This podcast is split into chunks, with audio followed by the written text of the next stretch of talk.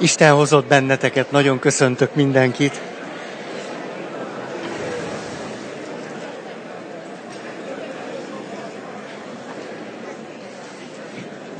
Elnézést kérek a késésért, nagyon sajnálom.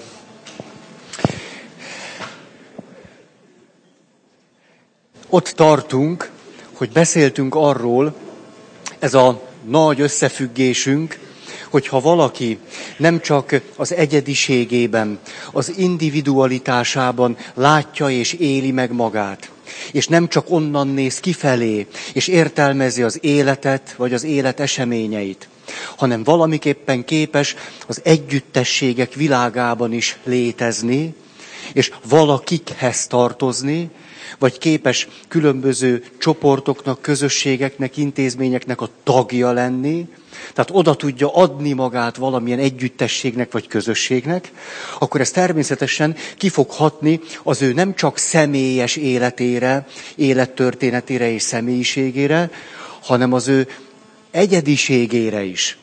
És aztán így hozzuk egymás után a szempontokat, hogy ha nagyon sarkosan akarjuk mondani, akkor miért éri meg az egyes embernek nem csak individuálisnak lenni, ha nagyon sarkosan akarjuk mondani. És így jutottunk el oda, hogy bármilyen csoportnak a tagjaként, akkor is, ha egyébként mi magunkat nem is annyira csoport tagként látjuk és határozzuk meg, de ha tetszik, hanem bizonyos csoportoknak a tagjai vagyunk, legfőjebb mi önmagunkat nem így látjuk. De attól még mondjuk egy, egy szobában dolgozik négy ember, ők azért ott valamiféle csoportot alkotnak, legfőjebb ezt senki sem tudatosítja magával, és mindenki ott individumként, nem tudom én, harabdálja a szendvicsét. De attól ők még persze egy nagyon sajátos csoportot is alkotnak, és bármilyen történés zajlik köztük, az nem csak egyes embernek, az egyes emberhez fűződő viszonya, hanem közben ott valami csoport történés is zajlik, nekik ha tetszik, ha nem, vagy ha látják, ha nem de ott valami ilyesmi is történik pusztán azáltal, hogy az ott ténykérdés, hogy négyen vannak, és már két éve négyen vannak egy szobába. Az ott nem tud nem csoport jelleget is ölteni, de melegen van. Eszméletlen. Szóval, így jutottunk el oda, hogy megnézzük, hogy a csoport tapasztalataink, ha elkezdünk rájuk reflektálni, Megnézni, hogy tulajdonképpen milyen ismétlődő tapasztalataink is vannak, vagy milyen szerepekbe szoktunk újból meg újból kerülni, vagy mi az a szerep, amit öszt egészségedre, amit ösztönösen is jól tudunk vinni, mi az a szerep, amit rettenetesen utálunk, vannak-e visszatérő konfliktusaink, és a többi, és a többi, ebben nem akarok most részletesen belefutni, akkor ez valamilyen összefüggésben van a családtörténetünkkel a családdal, az eredeti családdal, ahonnan származunk és jöttünk. A múltkori alkalmat most tényleg nem szeretném itt végig-végig ismételni, mert annál sokkal több izgalmas mondani valóm van a mai alkalomra is. Tehát ennyi mondjuk a keret, hogy miért kezdtünk el most beszélni a családról. Nem egyszerűen csak a párkapcsolatról, nem csak a szülő-gyerek kapcsolatról, nem csak a testvéri kapcsolatokról, nem csak az egyes emberekről a családban, hanem a családról. És így Na hát ez... Ha. És így lenne most kilenc pontunk a család mentálhigiénés funkciói. És az első pont az így szólt, hogy a világra vonatkozó információkat a család összegyűjti és továbbítja. És hogy ez alá rendeltünk három alpontot, ezt csak gyorsan elismétlem, és aztán jöhet a következő, meg az új téma, hogy az információkat a család szűri, jó esetben a családtagok védelmére, nem pusztán csak valamiféle cenzúra okán, hanem a családtagok védelmére. Főleg mondjuk a gyerekek védelmére. Hiszen egy gyerek attól, hogy valamilyen információ a birtokába jut, azért az az ő gyerek létezésébe ágyazódik bele, és ezért vagy tud vele kezdeni valamit, vagy nem. Ezért a felnőtteknek, nekünk szokott itt egy tévképzetünk lenni, hogy a gyerekek ma már sokkal többet tudnak, mint a mi időnkben mi. Ezt én így semmiképp sem mondanám. Több információ áll rendelkezésükre, de hogy tudnak-e többet? Hát lehet, hogy éppen zavarodottabbak, mint mi voltunk a kevesebb információval. Lehet, hogy éppen kevésbé tudják magukat elhelyezni abban a sok információban, ami nekik van. És mi pedig a kevesebben jobban el tudtuk helyezni magunkat. Vagy legalábbis azt mondhatjuk, hogy, hogy mondjuk az életünk növekedése szempontjából hasznunkra vált, hogy kevesebb információ állt rendelkezésre. Nyilván megvan a másik oldal, hogy tabu témák, ezt ismerjük, ezt tudjuk, nem, nem akarom itt, nem tudom én, hogy szokták ezt mondani, a, a bölcsőtől kezdeni, vagy nem tudom, a tojástól, a kájhától. Jó, na akkor itt van valami konszenzus. Tehát egyet értünk, tehát a kájhától. Jó, de sok mindent azért már most ismertnek veszek, hát már van egy kultúránk, nem? Ha ide járunk kilenc éve, tizedik, hát már lökjük, vágjuk az alapokat, hát ez már... Jó. Tehát ez az információk szűrése. A második, ugye az első pontnak a második alpontja nem csak szűri, hanem azokat rendezi, összefüggésbe, történelmi távolatba állítja a család ahogyan beszélgetünk, ahogy leülünk, ahogy kapcsolódunk egymással. Olyan ö, érdekes nekem gimnazistákat tanítani. Tulajdonképpen elég fárasztó műfaj. Tehát ha úgy megkérdezik tőlem, hogy van-e kedvet hozzá, ki, ki az, hogy van az én nevemben, vagy mi? Tehát, nem kérem szépen, tehát hogyha ez kedv kérdése lenne, én biztos nem csinálnám. Ezzel együtt nagyon tanulságos, én magam nagyon sokat tanulok belőle. Most például összejöttem a kisebb gimnazistákkal, ők 15-16 évesek, és kérdeztem tőlük, hogy ugye most hát nagy választások voltak, hogy hogy látjátok ti egyáltalán ezt a kérdést? Milyen információitok vannak, azok, azok hogy ágyazódtak el bennetek, hát nem így mondtam, csak ez volt bennem. Hogy hogy, hogy van ez bennetek?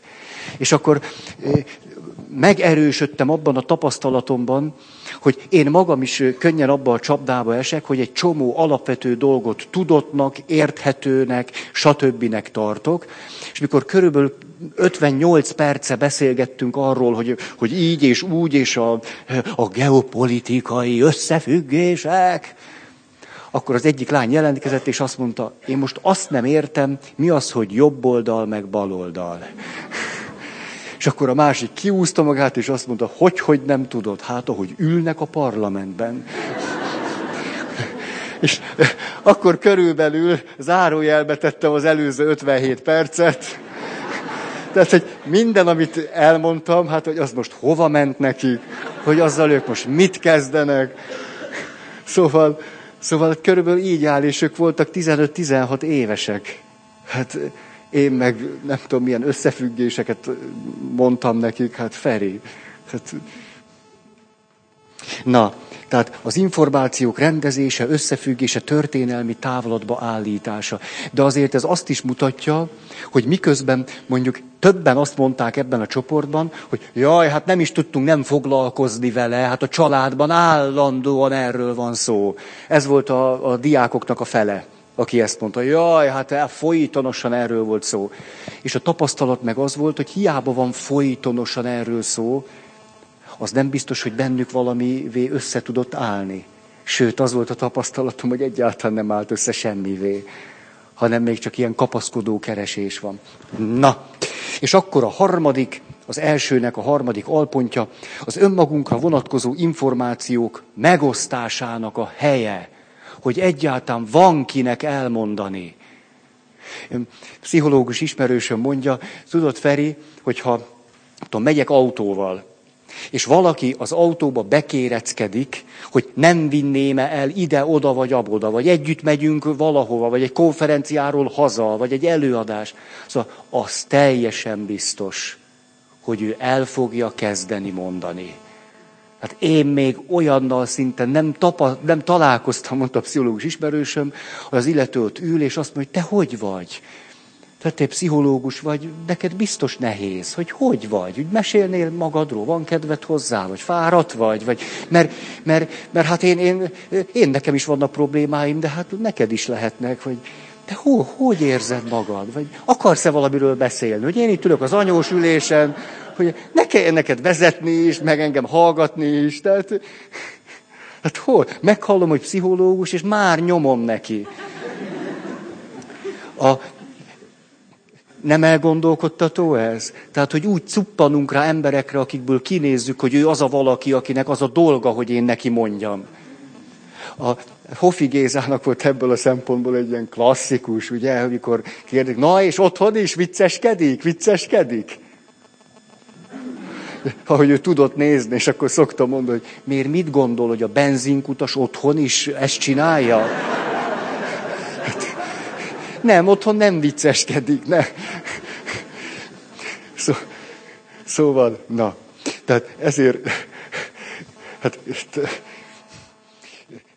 vannak hasonló tapasztalataim. Főleg akkor, mikor nem, hát az majdnem mindig megtörténik, hogy vidékre megyek valamilyen oknál fogva, valami előadás van, vagy nem tudom mi van, az biztos, hogy valaki odajön, és azt mondja, Feri, nem vinnél el Pestre, ez annyira jó, akkor nem kell, ez annyira jó. De, de. Mert a kérés sosem csak erről szól, hogy elvinném-e Pestre, és ami fáraszt nem az, hogy őt elviszem Pestre, hanem az összes többi, amiről nem kérdezett meg. Na jó. De lehet, hogy ezt kéne csinálni. A kérdés nagyon pontos. Tehát, hogy elvinnélek-e Pestre? El. Más nem kapsz. Tehát az összes többit, ezt, ezt pipált ki. Tehát elvinnélek Pestre. Tehát csomagtartó, ilyesmi. Na és akkor, tehát itt volt az önmagunkra vonatkozó információk megosztása. Emlékeztek a cserkész barátomra, aki lehorzsolta az egész belkasát, meg minden, és akkor mutatta, hogy így ne. Ez fontos információ. És a második pontunk az volt, hogy világnézetet és életfilozófiát ad. Miközben rögtön hozzá is tettem, hogy a, a manapság egyáltalán ezt, hogy világnézet, meg világkép, ezeket a kifejezéseket ma már szinte nem is használják. A szakirodalom már kerüli őket, mint valami olyasmit, ami, amin már túl vagyunk. Na ez aztán külön elgondolkodtató. És miközben mondtam történeteket, rájöttem, hogy ezt szeretném egy picit jobban életbe ágyazni. Hogy ez mit jelent, és akkor írtam ide hét alpontot. És ezeket most mondom. Hogy mit jelent az, hogy tulajdonképpen a családból jöve mindenképpen valamiféle életfilozófiához jutunk. Pont úgy, mint hogyha négy ember egy éven keresztül dolgozik egy szobába, nem tud nem csoportként is működni. Legfőjebb azt mondják, hogy ez nem. Mindenképpen ez megtörténik. Van egy kedves ismerősöm, aki állami nevelőintézetben nőtt föl. Ez ott is megtörténik. Tehát ahol az ember fölnő, abból a közegből valamiféle világnézetet, életfilozófiát kap és hoz. És ez nem elsősorban a szavak által adódik át, hanem azáltal, ahogy a szülők vagy a számára fontos személyek állnak az életben. És mondanám a példákat, én szerintem ezek nagyon érdekesek. Azért is, mert magatok felé akkor tehettek föl izgalmasnál izgalmasabb kérdéseket. Elnézést, akik vasárnap este ott voltatok a misén, mert több mindent fogok ismételni. De épp körbenéztem, hogy nem is voltatok olyan sokan, én meg. Tényleg. De tényleg ezt is ne, nem azért mondom, mert szörnyű lenne, mind ott lennétek. Hát, ez, hát hogy férnénk el? Tehát, de hát ez rettenetes lenne. De hanem csak mindig annyira óvakodok, hogy jaj, jaj, nehogy ismételjem magam, aztán hát nem is vagytok ott, hát akkor mit óvlak titeket valamitől, ami nem is fenyeget. Na most akkor az első ilyen létkérdés, ezt így neveztem, hogy az, mi az, hogy életfilozófiát ad, világnézetet, hogy valamiképpen a létkérdésekre válaszol, anélkül, hogy ezeket a létkérdéseket esetleg bárki is bármikor föltette volna, és arra konkrét szavakban való válasz érkezett volna. Anélkül megkapjuk a választ. Ezért nagyon izgalmas, hogy miközben van bennünk egy válasz, ahogy nem tudatosan érkezett a válasz, most azt lehetne tudatosítani magunkkal. Ezért izgalmas. Ugyanis van a nyolc kérdése, van benne, vagy hét, hét. Elveszett egy. Hét kérdésre biztosan van bennünk hét válasz. Most az az izgalmas, hogy egyáltalán tudjuk-e a válaszainkat, vagy nem. Ezért is érdekes. Az első kérdés így hangzik, hogy most a jó az erősebb é, vagy a rossz. Ezt a családban megtanuljuk. A jó győz, vagy a rossz. Neves színészünk volt az, aki egy interjúban kérdezték tőle, hogy hát mi az, amivel mostanában nagyon sokat foglalkozik, mi az, ami magának problémákat okoz most. És azt mondja, az életem legnagyobb kérdése, hogy megszülettek a gyerekeim. Vannak már páram, és nem tudom eldönteni, hogy farkasnak vagy báránynak neveljem-e őket. Ez még a diktatúra alatt volt, amikor ez az interjú elhangzott. Nem tudom eldönteni, hogy farkas vagy bárány. Ez ennek a kérdésnek egy variánsa. Most a jó győz, vagy a rossz. De rögtön szeretném ezt a témát elmélyíteni. Ugyanis, hát nyilvánvaló, hogy egy gyereknek és egy felnőttnek folyton folyvást ellentétes tapasztalatai vannak. Mert néha jó győz, néha rossz. Hát nem, de mindenkinek ilyen tapasztalatai vannak. Senkinek a Földön nincs olyan tapasztalata, hogy mindig a jó győz, vagy mindig a rossz győz. Ilyen tapasztalata senkinek sincs. Mindenkinek olyan tapasztalata van, hogy néha ez, néha az. Na itt jön az élet filozófia témája. Hogy milyen választ adok a jó és a rossz kérdésére akkor, ha az a tapasztalatom, hogy néha a jó győz és néha a rossz. Hát ez az izgalmas, és van, aki azt mondja, hogy a kérdés mögött, a tapasztalat mögött, hogy néha a jó győz, néha a rossz győz, vagy akár sarkítsuk ki. Lehet, hogy az életem utolsó pillanatában a rossz győz. Lehet, hogy úgy halok meg, hogy a rossz győzött. Most nem akarnám Jézust idehozni, mint az emberi tapasztalásnak egy sajátos helyzetét. Mit gondolok a helyzet mögött? ugye mi a möge, emlékeztek? A teher, fuvarozó, kisiparos, mentálhigiénés szakember barátunkra. Mi a möge? Ez a kérdés. Mert azt látjuk, hogy vannak emberek, akikkel az életükben nagyon sok rossz történt, és ha a tapasztalatukat kérdezzük, akkor azt mondják, hogy többségében volt az, ahogyan bántottak, megaláztak, kirekesztettek, törödöm, dörödöm, de én mégis azt gondolom, hogy a jó győz. És vannak emberek, akikkel nagyon sok jó dolog történt, és azt mondják, hogy végül én azt gondolom, a rossz győz. Vagy pedig van egy másik válasz, nem dönthető el. Mert hát most vagy a jó győz, vagy a rossz. Nem látok emögött a kérdés mögött semmit. Néha ez, néha az. Akkor az élet azt adja, hogy állandóan el kell döntenem. Most tisztességes legyek, kiterítenek úgy is. Ne legyek, kiterítenek. Most akkor hogy terítsenek ki? Most... A költőnek ez a tapasztalata, hogy kiterítenek úgy is. De attól ő még hozhatta azt a döntést, hogy bár kiterítenek úgy is, most mondjuk így a mi logikánk szerint a rossz győz, én emögött azt állítom, hogy a jó erősebb a rossznál. Ezt, a, ezt az világlátást mindenki hozza magával, hogy végül is mit gondolsz te erről. Hogy mindenféle tapasztalatod mögött a jó vagy a rossz győz-e, egyáltalán ez eldönthető-e vagy nem. Mert ez döntően meghatározza az egész életünket. Úgy, ahogy van. És közben nem is tudunk róla, hogy a családunkból akár egyetlen ide vonatkozó mondat nélkül is megtanultuk, hogy akármelyik tapasztalatunk van a túlsúlyban, a jó győze vagy a rossz. Hadd hozzak ide egy spirituális szálat. Ezt szeretném majd végigvinni. Azért, mert roppant érdekes, hogy Jézus tud ö, rengeteg példabeszédet mondani. Azt mondják a biblikusok, hogy a tanításának több mint 60% a példabeszéd. Ez olyan, mint egy egyenes kérdés, hogy most a jó győze vagy a rossz, ő egy sztorival válaszolna. hogy történeteket mond, aztán mi süssük ki belőle a tanulságot. Azonban mondjuk a jó és a rossz, és az összes élet filozófiai alapkérdés mögött meghúzódó kérdésre Jézusnak döbbenetesen egyenes válaszai vannak. Na ott sosem hagy kétségben bennünket. Ez nagyon elgondolkodtató. Ugyanis azt mondja Kerek Perec, ez a pillanat most a sötétség órájáé. Ez a pillanat éppen. Ennek így kell most történnie. Azért, hogy beteljesedjen az írás. Láttam a sátánt, mint a villám zuhant le az égből.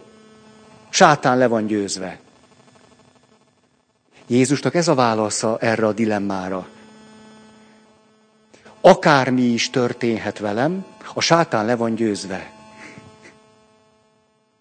Ez egy válasz a jó és a rossz dilemmájára.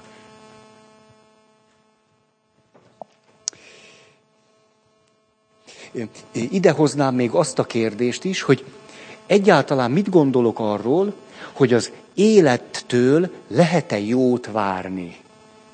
Várható-e az élettől valami jó? Vagy pedig, ha jó érkezik, hát az, ahogy szoktátok mondani, volt nekem, mikor hosszabb ideje jól vagyok, tehát egy-két napja, már is kezdek szorongani, mikor üt be a mennykő. Ezt szoktam tőletek hallani. Ez rettenetes, már is aggódok. Ez sokáig így nem mehet. Hát ezt pontosan tudom.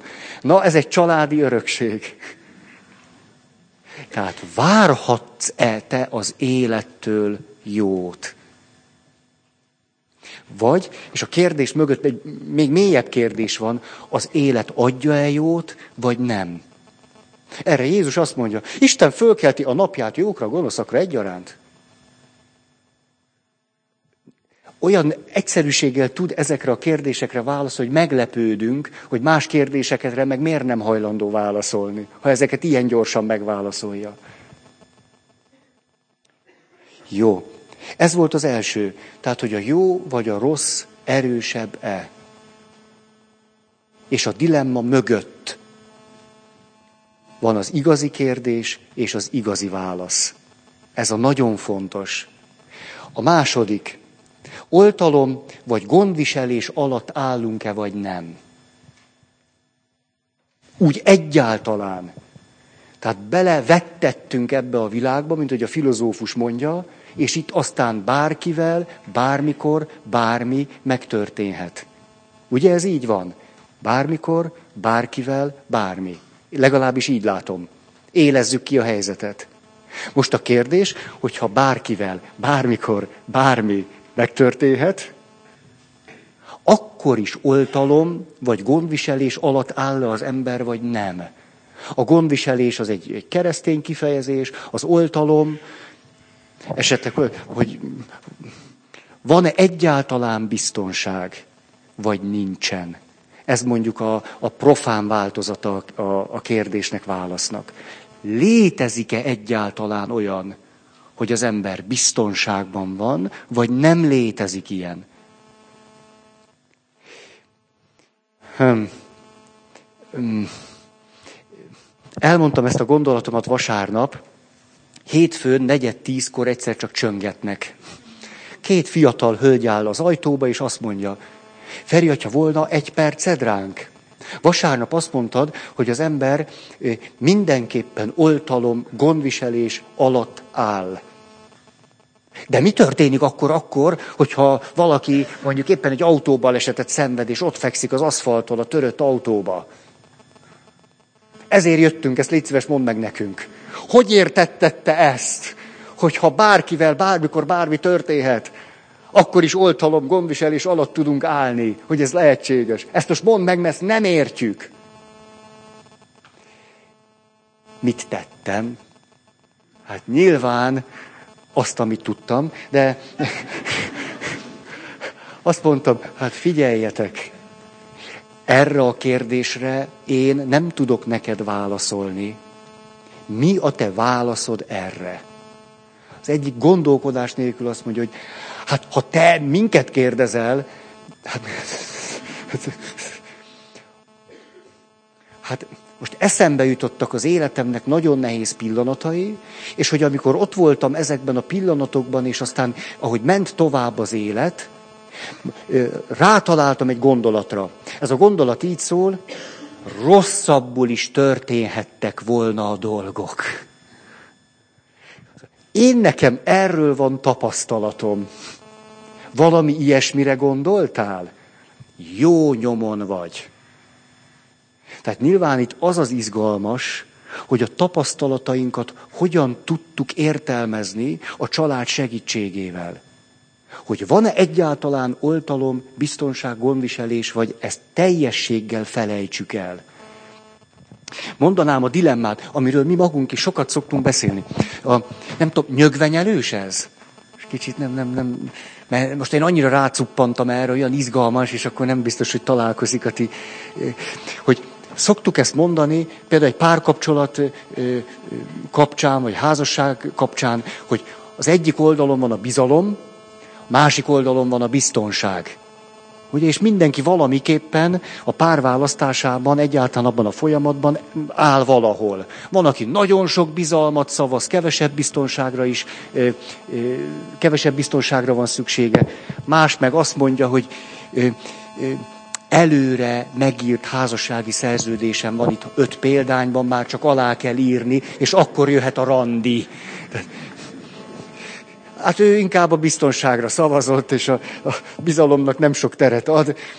Tehát ezt mindenki, nyilván a maga élettörténete, tapasztalata, akár micsodája alapján eldöntő, hogy általában a bizalom felé halad, vagy a biztonság felé. Mind a kettő komoly érték. Csak hogy amikor ezt mondjuk, tulajdonképpen becsapjuk magunkat. Valójában nem ez a két választási lehetőségünk van. Az egyik oldalon a, a bizalomnak a lelki állapota van, ahogy bízom valakiben. Most a kutatók már leírták, hogy ilyenkor milyen biokémiai változások történnek valakiben, mikor egy mély bizalom indul el benne. Nagyon érdekes. Az a fránya dopamin. Tehát amikor bízok valakiben, az leírható egy nagyon sajátos fiziológiai állapottal is, biokémiai dolgokkal. Ez a bizalom. A másik oldalon azonban csak gondoljuk, hogy a biztonság van, mert ott nem a biztonság van, hanem a biztonság érzet. Biztonság érzet van. Hát amikor én megyek az utcán, belekarolok a kedvesembe, és megyünk, és azt mondom, annyira jó veled, olyan biztonságban vagyok melletted.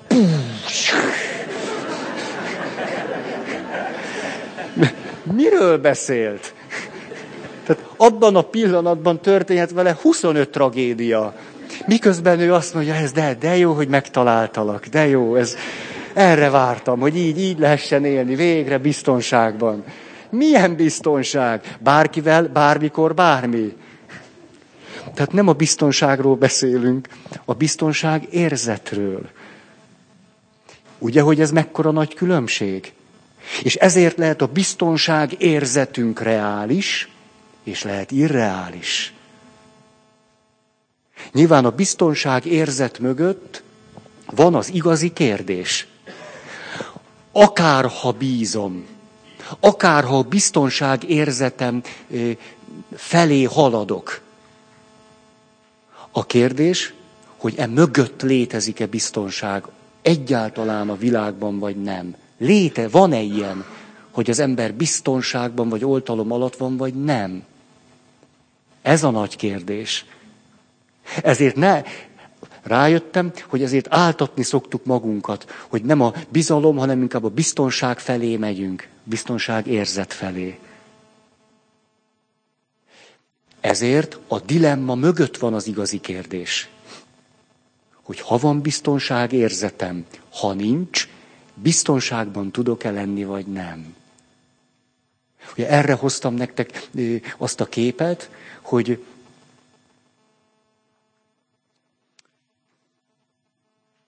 hm. Ne, tudom, tudom, csak kicsit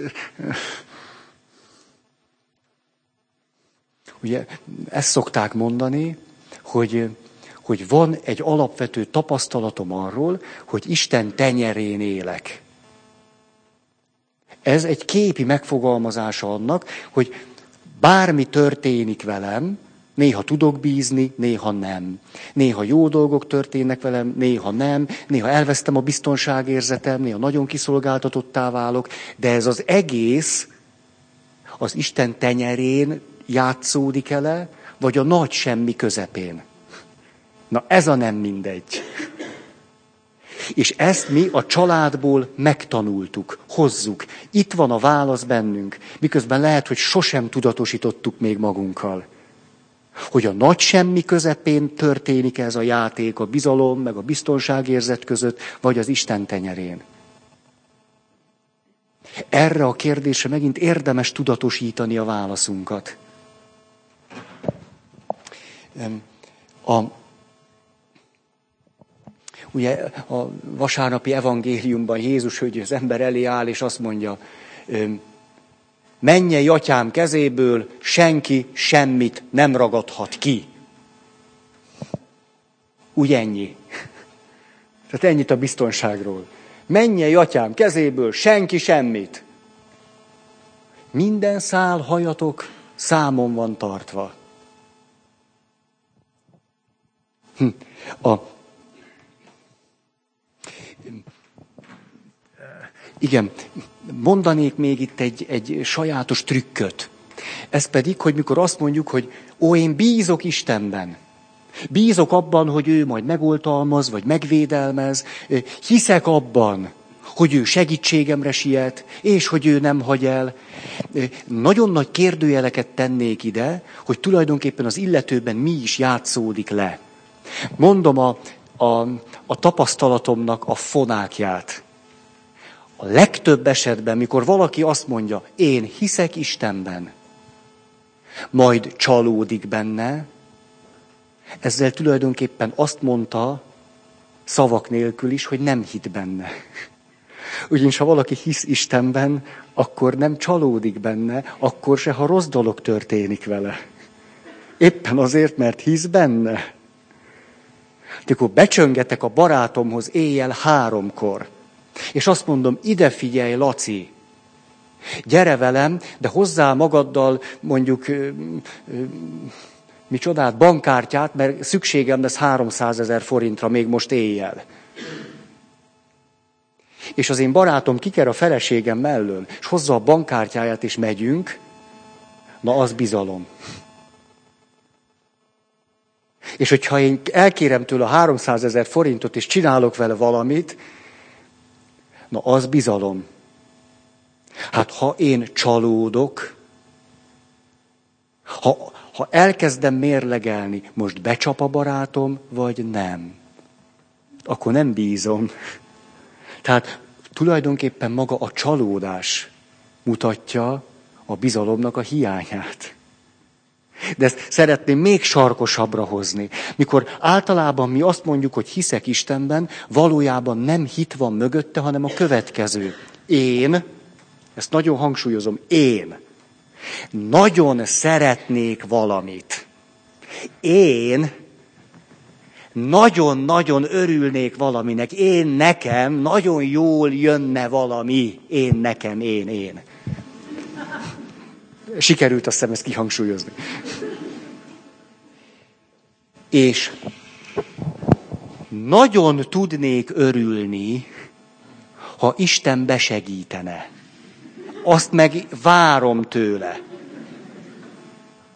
És legtöbben ezt nevezik hitnek. Drágáim, hát ebben mi a hit? Hogy én nagyon szeretnék valamit, és azt várom, ad abszurdum, várom el Istentől, hogy ő dolgozzon ebbe bele. Ebben mi a hit? Ebbe éppen zéró hit van. Van benne vágy, van benne egy irányultság, van benne elvárások, finomabban is mondhatom hit, én szerintem Istenbe vetett hit, így ennyiből, amit mondtam, éppen semmi nincs benne. És hogy mert nincs benne, ennek jó tünete az, hogy amikor rosszra fordulnak a dolgok, akkor én meg elfordulok Istentől. Hát ha hiszek benne, akkor nem fordulok el tőle. Nem, pont ez a lényege. Hogy jön a fiam, megint összeverekedett az utcán valakivel. Most a kérdés, hogy én bízok-e benne, vagy nem. Szandra Bullok elvitte az arany málna díjat. Hallottátok? Hogy... Tessék? Hát ez benne a poén, az eredeti díjat, amit soha senkinek nem adtak oda. De a rendező úgy meg, tehát az estnek a rendezője úgy meglepődött, hogy valaki a, a legrosszabb ö, ö, filmért járó díjat fölvette, hogy véletlenül nem a másolatot adta oda, hanem az eredetit. Mert ilyen még nem történt. És most az interneten egy kedves levelet írtak Szandra Bulloknak, hogy küldje vissza az eredetit, légy szíves. Hát itt akkor, tessék. Ja, igen, érdekes beszédet mondott, igen. Igen, ajánlotta a díjat neki odaajánlóknak, hogy nézzék is meg a filmjét. Szóval azt szeretném mondani, hogy amikor én valóban bízok Istenben, annak épp az a lényege, hogy én velem most ezután történhet bármi, épp az ellenkezője is annak, amit egyébként szeretnék, de mert bízok Istenben, ezért tudom, hogy az valamiképpen a javamra fog válni. Mondjuk így nagyon egyszerűen. Hogy abból az életem szempontjából jó fog kijönni. Hogy nem fog tudni, elképzelhetetlen, hogy valami jó ne tudna abból kijönni. Ez bizalom az Istenben. Érzékelhető a kettő közti különbség. Száz emberből 99 Istenbe vetett hitnek mond olyasmit, ami a vágyaknak, várakozásoknak, elvárásoknak egy ilyen sajátos masszája. Úgy körülbelül ennyi, hogy legyek ilyen nagyon kritikus. Ezért nem mindegy, hogy azt gondolom-e, hogy van-e biztonság, és oltalom alatt vagyok-e, hogy a nagy semmi közepén megy a dilemmám, vagy pedig Isten tenyerén, hogy ezt a két valamit hozzuk. És ugye azt meg nem kell különösebben ragozni, hogy, hogy a kettőből teljesen más élet jön ki. Hát egészen másképp élek, ha így gondolom, meg ha úgy. Ha ez a meggyőződésem, vagy ha a másik. Harmadik, alapvető létkérdés.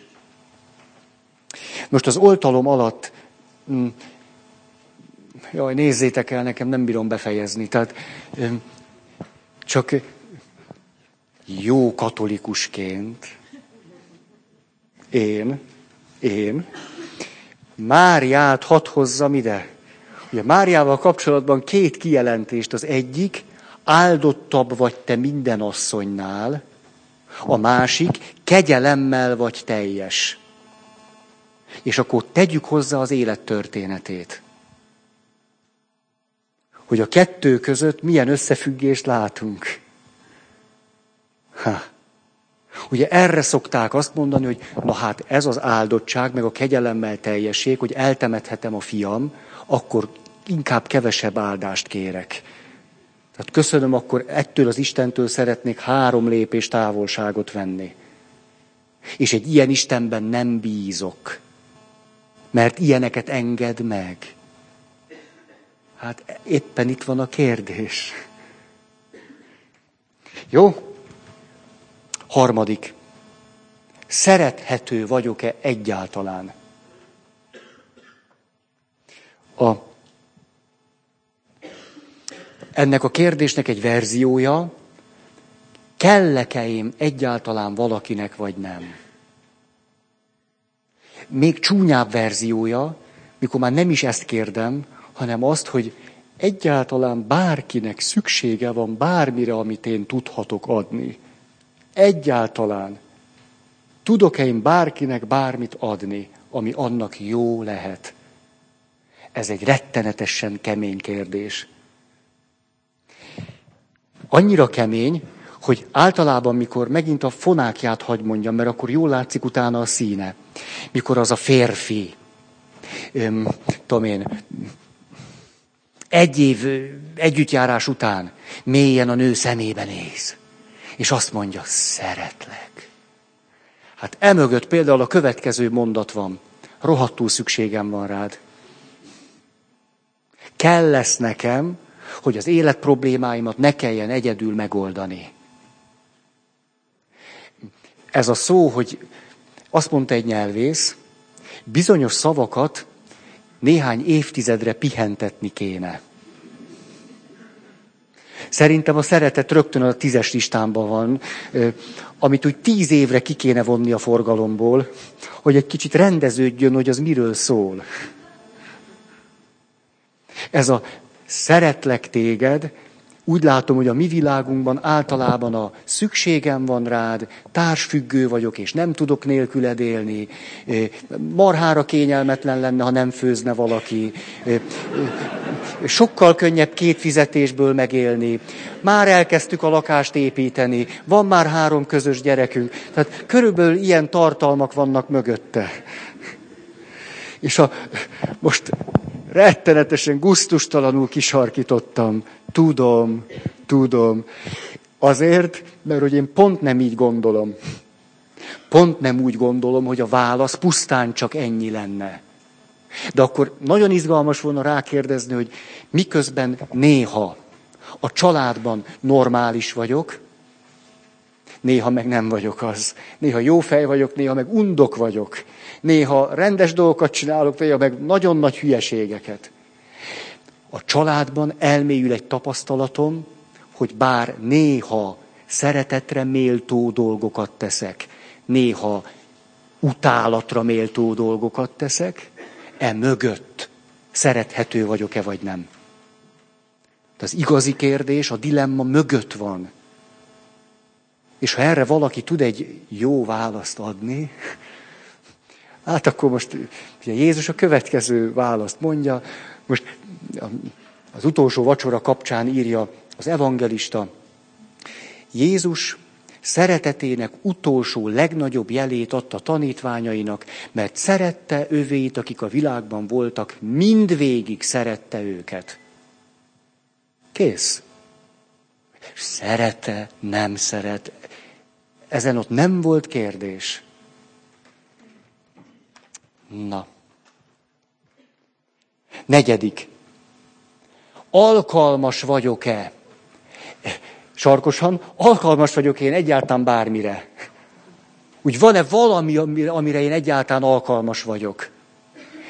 Ha mondatba foglalom, alkalmas vagyok-e az életre? Nem szoktuk ezt a kérdést föltenni. Talán sokszor a félelem miatt. Vagy mert néha kimondtuk magunkban este sötétbe néhány könycseppel az arcunkon, hogy semmire se vagyok jó. Hogy alkalmatlan vagyok, szerencsétlen és béna. És rettegünk, hogy ez a válasz egyszer csak elkezd bennünket kísérteni. Tehát, hogy egyáltalán alkalmas vagyok-e az életre. Van, aki úgy éli le az életet, hogy tulajdonképpen a dilemma mögött, hogy most alkalmas vagyok-e vagy nem, most ezt a munkát meg tudtam csinálni, abba beletörött a bicskám. Ehhez van tehetségem, és jól csinálom, arról az derült ki, hogy mindenki jobban csinálja, mint én. E mögötte, dilemma mögött van egy kérdés, hogy alkalmas vagyok-e az életre, vagy nem. Megint csak sajnálom ezt a spirituális szállat, ha valakit nagyon bosszant, hogy nem a család sztorikat hozom, de ez valahogy jobban izgatott, meg még, még hoz akkor egy pluszt. Ez pedig az, ahogyan emlékeztek, Péter nekiáll halászni, és semmit se fog. Ez az alkalmatlanságnak az élménye. Hogy halász vagyok, egész éjszaka haláztam, és semmit se fogtam. Erre jön az alkalmatlan ember, ő Jézus, aki nem halász. Hát ez látszik is rajta. És azt mondja Péternek, a halászat összes tudományával rendelkezik, hogy menj és fogjál most fényes nappal halat. Hát az alkalmas embernek aki magát alkalmatlannak látja, vagy láthatja. Az alkalmatlan ember azt mondja, hogy próbáld meg most. És akkor tudjátok, hát ismeritek ezt, azért nem haláztak nappal, mert tűzött a nap hétágra. Ezért a víznek a felső része annyira átmelegedett, hogy jóval kevesebb volt az oxigén. Tehát normális hal, mondjuk a, a sziámi harcos halon kívül, amely 30 fokban szeret tenyészni, a rendes halak lementek, a, de a sziámi harcos hal meg nincsen a genezáreti tóba. És különben is ekkora, tehát, tehát abból nehéz egy családot eltartani. És a, tartottatok halat annak idején? Az micsoda buli. Hát onnantól én sziámi harcos halakat tenyésztettem. És bizony megfordult a trend, és én vittem a halasnak a halat. Hát az a jó buli, nem? Mindig csak én vegyek, az nem jó üzlet. Na, szóval az egy rettenetesen kényes hal. Á, állandóan meg akar dögleni. Szóval ne azzal kezdjétek. Guppival kezdjetek. Ugye jól mondom? Guppi. Esetleg Xiphophorus helleri. Az is jó. Megvan mindennek a módja. Szóval, hogy jutottam a guppiig? Ja igen, az alkalmas, alkalmatlan. És ugye amikor kiderül, hogy a, a partvonalról jött Jézus, akinek gőze sincs a halászathoz, az alkalmas Jézus, nem, az alkalmas Péternek, aki azt gondolta eddig, hogy ő az. Tud egy olyat mondani, ami teljesen fölforgatja az addigi alkalmasság élményét? Erre Péter azt mondja, hogy hát uram, azt hiszem, hogy, hogy mi ne elvezzünk egy csónakba. Hát ezt mondja, menj el tőlem, uram, mert én egy bűnös ember vagyok. Tehát mi nem vagyunk egy csónakba valók. Mert egy alkalmatlan, béna alak vagyok. És ugye erre Jézus nem áll neki ezt elkezdeni firtatni, hogy most, most hát nézd Péter, végül is egy egyetem rád férne. Tehát e, igaz, ami igaz. Örülök, hogy itt most egy önismereti lépést tettél, nagy, nagyon örülök neki. Tehát most átléptél a realitás határán, a, a, az önmagad idealizálásából a realitás felé. Azt gondolom, lenne egy hat éves egyetem, aztán egy PHD-t majd még meg kell pályáznod, ezt már előre lehet látni, mert anélkül nincs élet a Földön, és azután szeretném, ha bedolgoznád magadat, úgyhogy tíz év múlva találkozunk. Írjál majd. Jézus meg úgy ott a csónakba, úgy halastul, péterestül, moszatostól, mindenestül azt mondja, de figyelj Péter, ember halász leszel. Ez Jézus válasza erre a dilemmára, hogy most vagy tudok halat fogni, vagy nem tudok halat fogni, halász vagyok. A kérdés mögött hogy el tudom-e dönteni, nem fogtam halat x ideje, halász vagyok. Olyan érdekes volt nekem néhány héttel ezelőtt egyszer csak egy, egy beszélgetésben, fölpattantam, és azt mondtam, és magam is meglepődtem ezen, hogy utálok már ülni, elegem van ebből az ülésből, hát végül is atléta vagyok, tele vagyok mozgással, elegem van az ülésből. És homlokomra csaptam, te jó ég, hát Hát ez, mikor mondtam én ezt ki utoljára magamról, hogy atléta vagyok? Hát régen nem atlétizálok. És ezen morfondíroztam, de érdekes ez. Hát attól, hogy nem ugrok magasat. Mm. Mm. Ez, egy, ez egy kérdés mögötti téma. Szóval, ha fogok halat, ha nem, halász vagyok. Ha fogok halat, ha nem, vallásos válasz így szól, ha ügyetlen vagyok, ha ügyes, az Isten országa általam is tud épülni. Ha ügyetlen vagyok, ha ügyes. Németországból jött egy ilyen fő-fő lelki, nem tudom, pásztor, gyakor, akár okos ember. És nagyon eredeti dolgokat mondott, és mindenki ment be a székbe, hogy te jó ég, hát, hát, hát a huszadát se bírjuk megcsinálni, hát ha ezen múlik, hát Ez az, mikor egy előadás után sokkal rosszabbul vagy, mint voltál. Addig még volt egy pici nyömbecsülésed, és utána semmi. És a keddek után szoktatok ilyet érezni? Ugye eljöttetek hívőként, és elmentek ilyen, csak vágyaim vannak, meg semmi. Jó, maradék fényt is ki, kiótották. Szóval elmondott zseniális dolgokat. Mi zsugorodtunk. Valaki kérdez. Kedves atya, találkozott-e olyannal Ausztriában, hogy egy pap nem volt ilyen ügyes, mint ami ennek tetszett mondani, és mégiscsak volt körülötte élet. Ez, is, ez egy nyomorult papnövendék, ugye próbál életbe maradni. Ez még úgy volt, szemináriumban voltunk, és akkor kiderült, hogy hát, hát hogy? És akkor azt mondja, jaj, hát erről mondanék egy történetet. Volt az egyházmegyében egy legsikeresebb egyházközség. A siker szót, hát értsük sokféle értelemben, tehát nagy élet volt, programok, virultak, kereszteltek, nem kereszteltek, szóval jó dolgok. Na. És akkor azt mondja, na, ebben az egyházközségben volt legszerencsétlenebb a pap. Annyira szerencsétlen volt, de annyira, hogy a világiak összefogtak. Azt mondták, Nálunk annyira szerencsétlen a pap, ha itt mi nem csinálunk valamit, romba dől itt minden. És ettől az az egyházközség kivirult, és az egész egyház megye legvirágzóbb egyházközsége lett, a pap meg...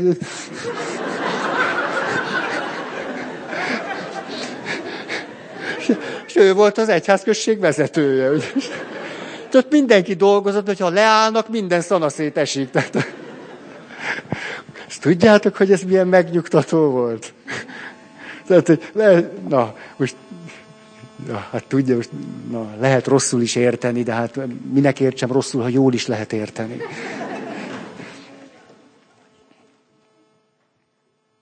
A negyed, ez volt a negyedik. Igen. Ugye, hogyha a spirituális szálat hozom, akkor a kérdés így szól, nem az az igazi kérdés, hogy én alkalmasnak tartom-e magam, hanem hogy Isten alkalmasnak lát-e engem. Ez az igazi kérdés, ami a dilemma mögött van. Tudjátok, hogy ki a plébánosok védőszentje? Tessék? Igen, igen, ki tudta? Ott hátul, nagyszerű.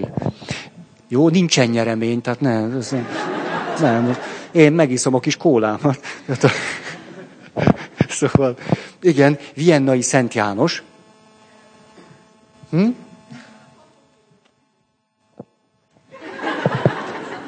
Most hallom, hogy a papok éve van. Jaj, de jó, mennyi idő van még belőle, mert most... Valamit be kell pótolni, most ezt érzem. Aztán erről egy kicsit lecsúsztam most majd próbálok hajrázni. Az... De köszönöm, az jó, jó, a papok éve, ez, ez fontos. Na szóval... Nem is tudom, mi lenne, nem lenne néha papok éve. Tehát, most csak az, az, az, az okoz fájdalmat, hogy ha vége lesz, mi lesz utána. Ez, ez nagyon aggaszt. Tehát most egy kicsit föl, föl lelkesültem, egy van bennem most egy kis életerő, de, de jövőben lesz mondjuk, mondjuk házasok éve, hát megyek majd össze teljesen. Tehát már megint nem törődik velem senki, már megint ez rettenetes lesz. Tehát ez most egy évet kaptunk, így, így kicsit. Ez nagyon szomorú, nem? Nagyon oda, oda vagyok. Tehát... Hát azoknak szoktak ilyen évet csinálni, a kihaló fajoknak, nem? Nem úgy szokott lenni, tehát valami nagy baj vannak a föld éve, meg, meg gyújtsuk le a, a, a lámpákat, meg kifogy az olaj, és ez, ez. Mindig elkalandozok. 2011. Tessék? De... Valaki azt mondta, hogy ne legyen évem. Tehát már egy se ezután? Tehát... de ez nagyon kedves. Na jó, szóval Hát én, én, én biztos, hogy 2011-et úgy fogom megélni, mint az, egy, mint az egyik évemet. Tehát azért ennyire vagyok, hogy mondjam, az életbe ágyazva. Na jó, de ez, ez nagyon, ez, ez, ez kedves, ez, ked, ez kedves volt, ez akárhogy is. Akárki mondta, ez kedves volt. Na, jó. Hol tartok? Igen, Ági, annyira jó, hogy itt vagy, máskor is üljél elől, mert valamit nem tudok. Tehát a, azt tudjátok, a plébánosok védőszentje, az Árszi plébános, Árli, Ál plébános, tehát a Viennai Szent János, na, ő, és külön engedéllyel szentelték pappá, mert azt mondták, hogy alkalmatlan. Ilyen nagy herce hurca után végül is felszentelték, két kitétellel. Az egyik az volt, hogy nem prédikálhat. Hát ez egy ilyen marginális kérdés ugye a pap életében. A másik nem gyóntathat. Ez így, ahogy mondom. Ez, jó van, jó van, akkor is paphiány lehetett. Ez, jó van, jó van, azért legyen ő is, mert minden betömünk vele egy lyukat, és, de nem is érzen, de bisézzen, de ne beszéljen, ne gyóntasson. Aztán tudjátok, hogy napi 16-18 órákat gyóntatott. Tengeren túlról jöttek hozzá gyónni. Egész, hát érdemes a történeti. Na ennyit arról, hogy most alkalmas vagy nem. Ötös. Hasonlít ehhez, de ez egy más kérdés. Jó vagyok-e? Értékes vagyok-e? Jó vagyok-e? Egy ismerősöm keresztény ember volt, és megtért. Ez egy szép életút. És a következőről számolt be az élet tapasztalata nyomán. Azt mondta, hogy gyerekkoromban megtanultam egy kereszténységet.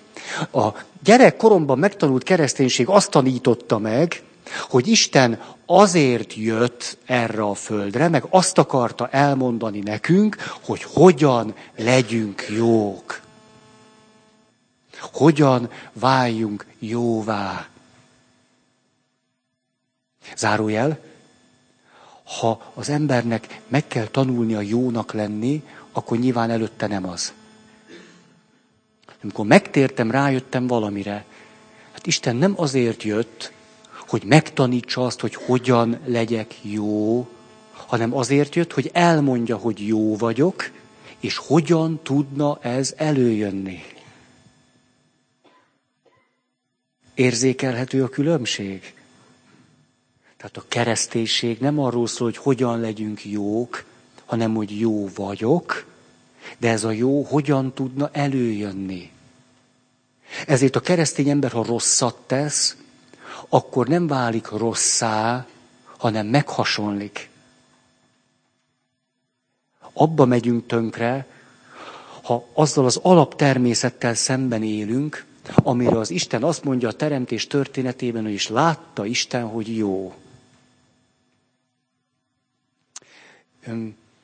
Nyilván, most ha egy picit bölcseleti szempontból közelítünk, akkor van itt egy kis csúsztatás, ez pedig az, hogy a szavak használatában összemossuk az ontológiai jót, hogy a, a létezéshez kapcsolódó értéktudatot, hogy attól jó, hogy van, ettől már értékes, az erkölcsi jóval. Ugye nyilván itt ezt a kettőt így, így használjuk, ettől, ettől olyan melbevágó. Tehát akkor az a kérdés, hogy bár néha jót teszek, néha rosszat, néha bűnöket követek el, néha nagyon nagy bűnöket is el tudok követni, néha kisebbeket, néha nagyon jó dolgokat teszek. E mögött mit gondolok magamról? Hogy jó és értékes vagyok-e, vagy nem? Mert a dilemma mögött van az igazi kérdés, az életfilozófia és a világnézet témája amit egy családban megtanulunk. És sajnos nagyon sok családból azt hozzuk, hogy nem vagy jó. törekedhetsz arra, hogy csinálsz egy sereg jó dolgot, de attól még nem leszel jó. Ez a rettenetes fordítotja annak, ahogyan érdemes élni. Hogy akármennyi jót teszel, végül úgy is az derül ki, hogy nem vagy az. Ez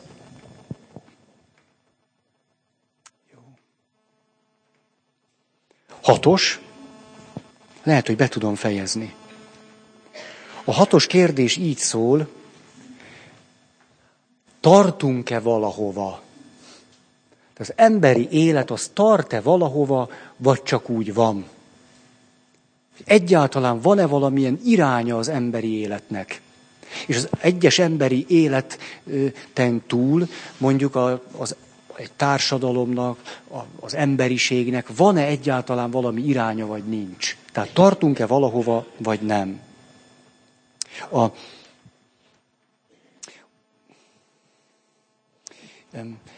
Nyilván ez összefügg azzal a kérdéssel is, hogy van-e a halál után élet. Nyilván összefügg. Nyilván összefügg azzal a kérdéssel, hogy ha tartunk valahova, akkor a jövő felől is tudjuk látni a jelent, nem csak a jelen felől tudjuk látni a jövőt. Akkor a tartunk valahova felől lehet látni a mostot. De nagy dolog az, hogyha én azt mondom, Isten megváltott, üdvözíteni akar, már is helyet készített nekem maga mellett. Ott van a hely, rá van írva Pál Feri. Ez, ez jó hangzik, nem? Én ezt, e, hát ez a minimum, ott egy szék, de remélem nem kell sokat ülni rajta, és a Pál Ferinek. Egyébként nem is ez a teljes nevem van ott, hanem az, ahogyan az Isten szólít engem. Hmm, a Bece nevem van ráírva. Ott van ez a szék. És most ebben a pillanatban állok itt, és én afelől a szék felől, onnan ülve nézek erre a pillanatra.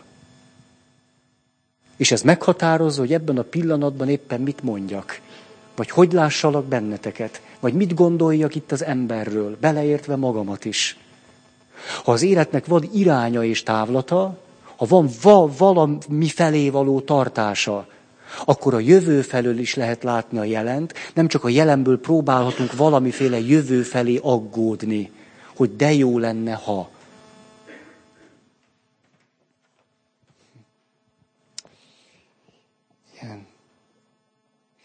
Amikor Jézus, tudjátok, megy el az utolsó beszédiben, azt mondja a tanítványainak, nézzétek, elmegyek helyet készíteni nektek, hogy ti is ott legyetek, ahol én vagyok. Hmm. Hmm. Temetéseken nagyon gyakran olvasom ezt a mondatot. Nagyon. Hogy milyen érdekes például valakit, aki meghal, úgy látni, hogy előre ment, majd aztán mi is megyünk, és ő neki most alkalma van számunkra helyet készíteni. Azért, hogy amikor megyünk, már várjon ott minket valaki. Mit szóltok ehhez, hogy várni fognak oda át? Ha. Ráadásul olyanok fognak várni, akik már meg tudtak békélni mindazzal, amit mi tettünk velük. Ugye, mert hogyha ott jó agyonvernek minket, ez nem egy szívderítő jövőkép.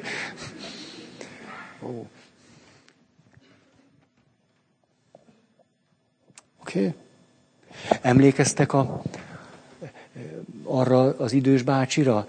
Emlegettem néhány hete, és valaki azt mondta nekem vasárnap, együtt voltunk egy közösségben, azt mondta Feri, az elmúlt évben ez a mondatod számított nekem a legtöbbet. Akkor most elismétlem. Mikor kérdezték azt az idős bácsit, aki ugye a haldoklás felé menve még mindig hihetetlenül, önzetlenül, meg szeretettel beszélt mindenkivel. És akkor azt az egyik unokája megkérdezte, hogy te nagypapa, te hogy tudsz ilyen rendes lenni? És akkor a nagypapa azt mondta, tudod unokám, nekem nem mindegy, hogy a halálom után hogy fogtok rám gondolni.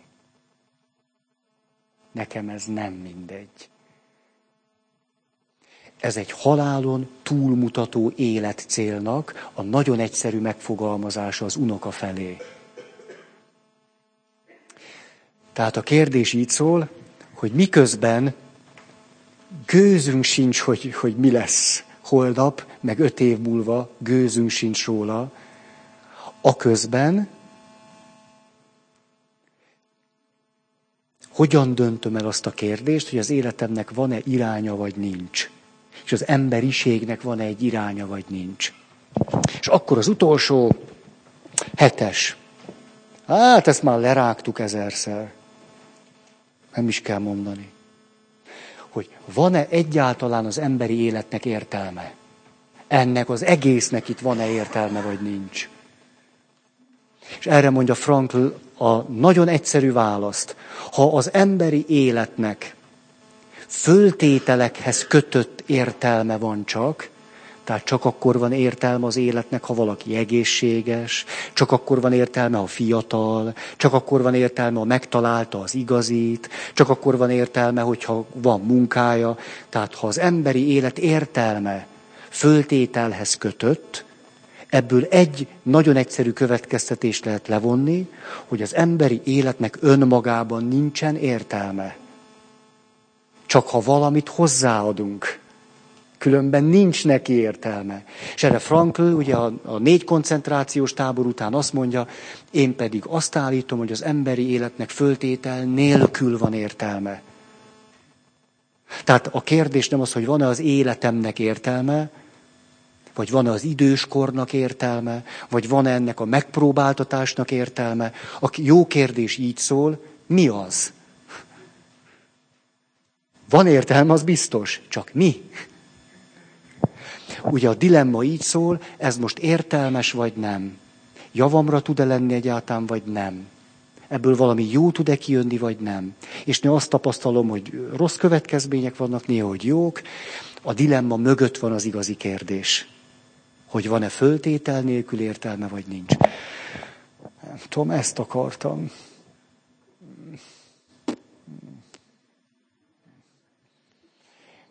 Ez lett volna akkor annak a megmutatása vagy kimondása, hogy mit jelent, hogy a család egy életfilozófiát, egy világnézetet közvetít. Anélkül, hogy a gyereket leültetnék és elmondanák, hogy ide figyelj, édesfiam, volt egy nagyon okos bécsi pszichiáter bácsi, Viktor Emmanuel Frankl, logoterápia atya. Ő már pedig azt mondta, hogy az életnek van értelme. Akkor is, ha eltörött a babád, úgyhogy ezt most vett tudomásul. Nem így, nem így. Na, nagyon köszönöm a figyelmet. Akar-e valaki hirdetni?